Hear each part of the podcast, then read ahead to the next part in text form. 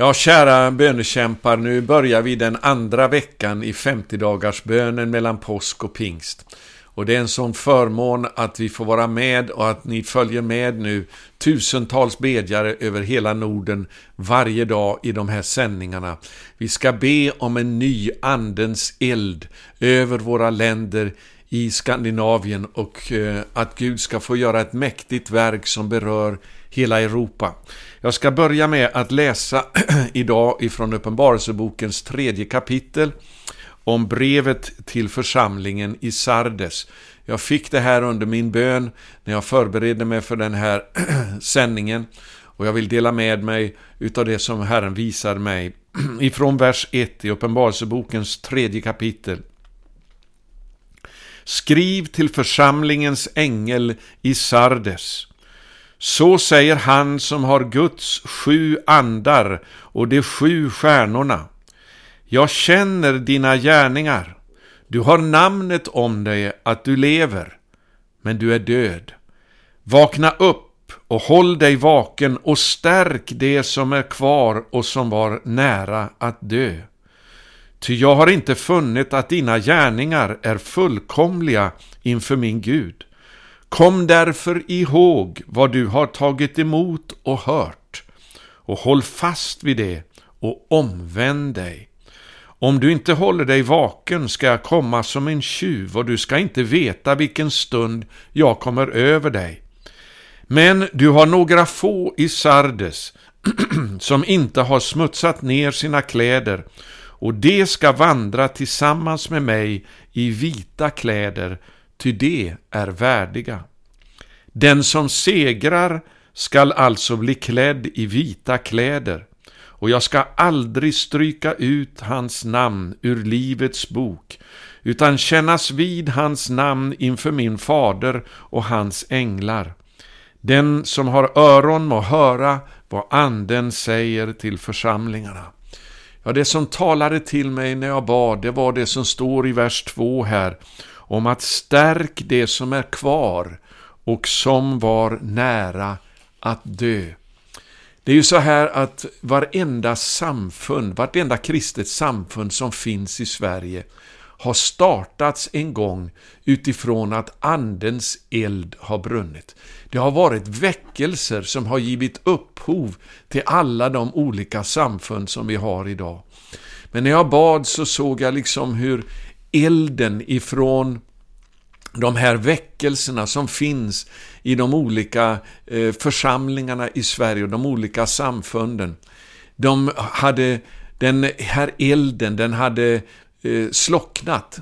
Men den hade inte slocknat helt, utan det fanns liksom kol som fortfarande var brinnande, även om det inte syntes någon eld. Och när vi bad så upplevde jag hur vi fick vara med om att blåsa Andens vind över de här kolen ifrån tidigare eldar i Sverige, så att elden började flamma upp igen. Och Det här är någonting som Paulus talar om också i andra Timotebrevet. Jag ska läsa det ifrån första kapitlet. Där det står så här, eh, ifrån vers eh, 6.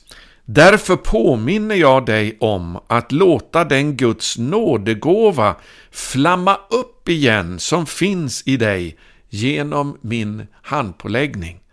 Ty den ande som Gud har gett oss gör oss inte modlösa, utan är kraftens, kärlekens och självbehärskningens ande. Skäms alltså inte för vittnesbördet om vår Herre och inte heller för mig, hans fånge, utan bär också du ditt lidande för evangelium efter den kraft som Gud ger. Ja, evangeliet medför alltid ett lidande, en förföljelse ifrån omgivningen.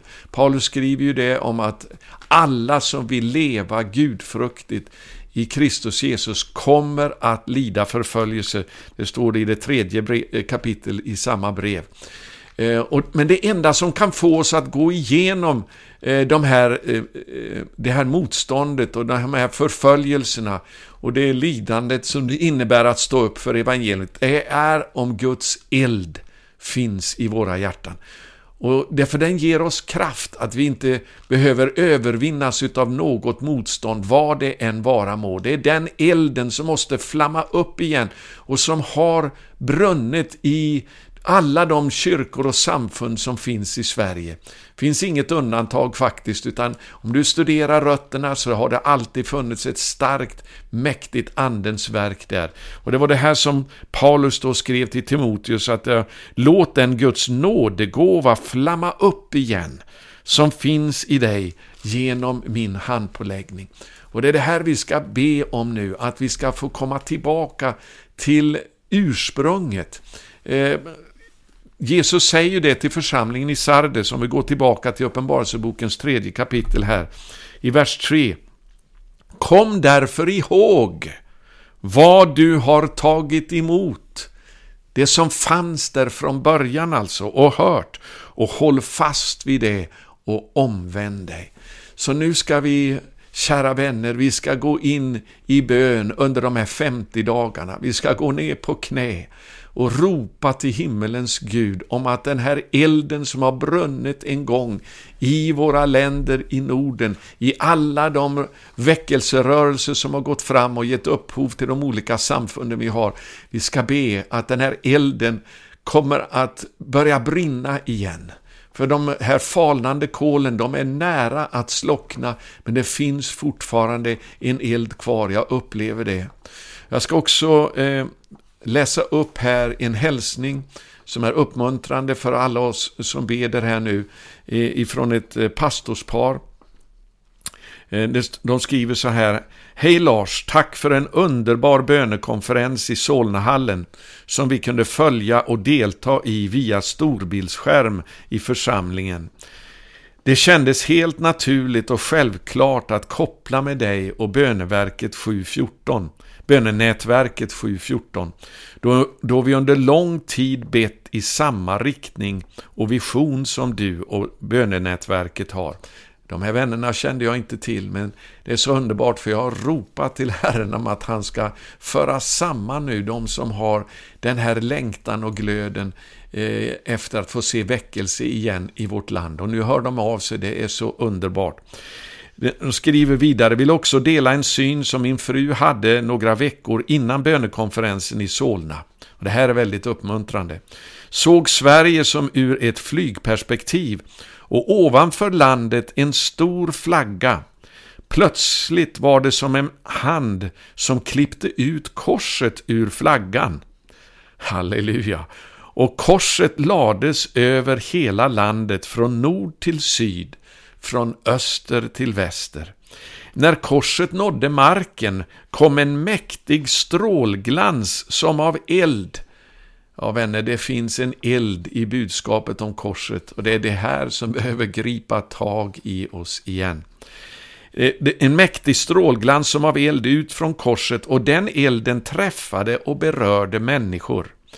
De vände sig till korset, föll på knä och började ropa till Gud. I det skeendet började även starka mirakler ske. Jag såg hur Guds helande kraft reste människor ur deras rullstolar och många andra under och tecken skedde.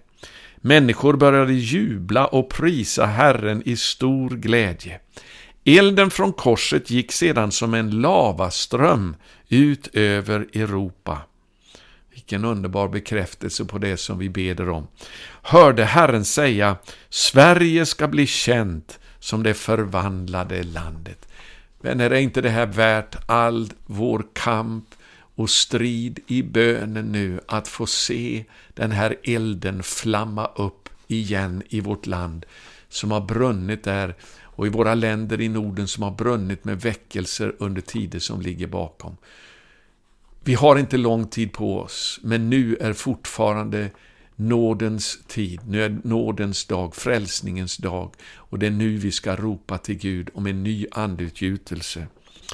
De skriver vidare, vi tror att detta är vad Gud vill med Sverige om han får ett folk som ger sig till honom på nytt. Vill du vara med och vara en av dessa?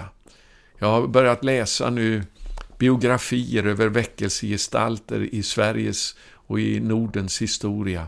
Och det är så mäktigt att se hur de gav sig helt till Herren. De kunde hålla ut hela nätter i bön till Gud för att eh, människor skulle bli frälsta.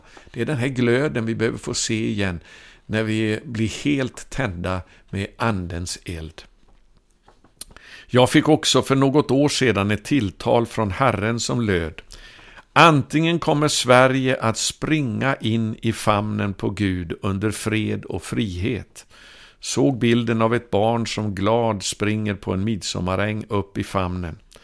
Eller också, och det här vänner har ju redan börjat nu, eller också kommer Sverige att få krypa på blodiga knän fram till korset och ro ropa efter nåd och förbarmande. Ja, låt oss göra det redan nu, även innan domarna har fallit ännu starkare över vårt land på grund av all synd.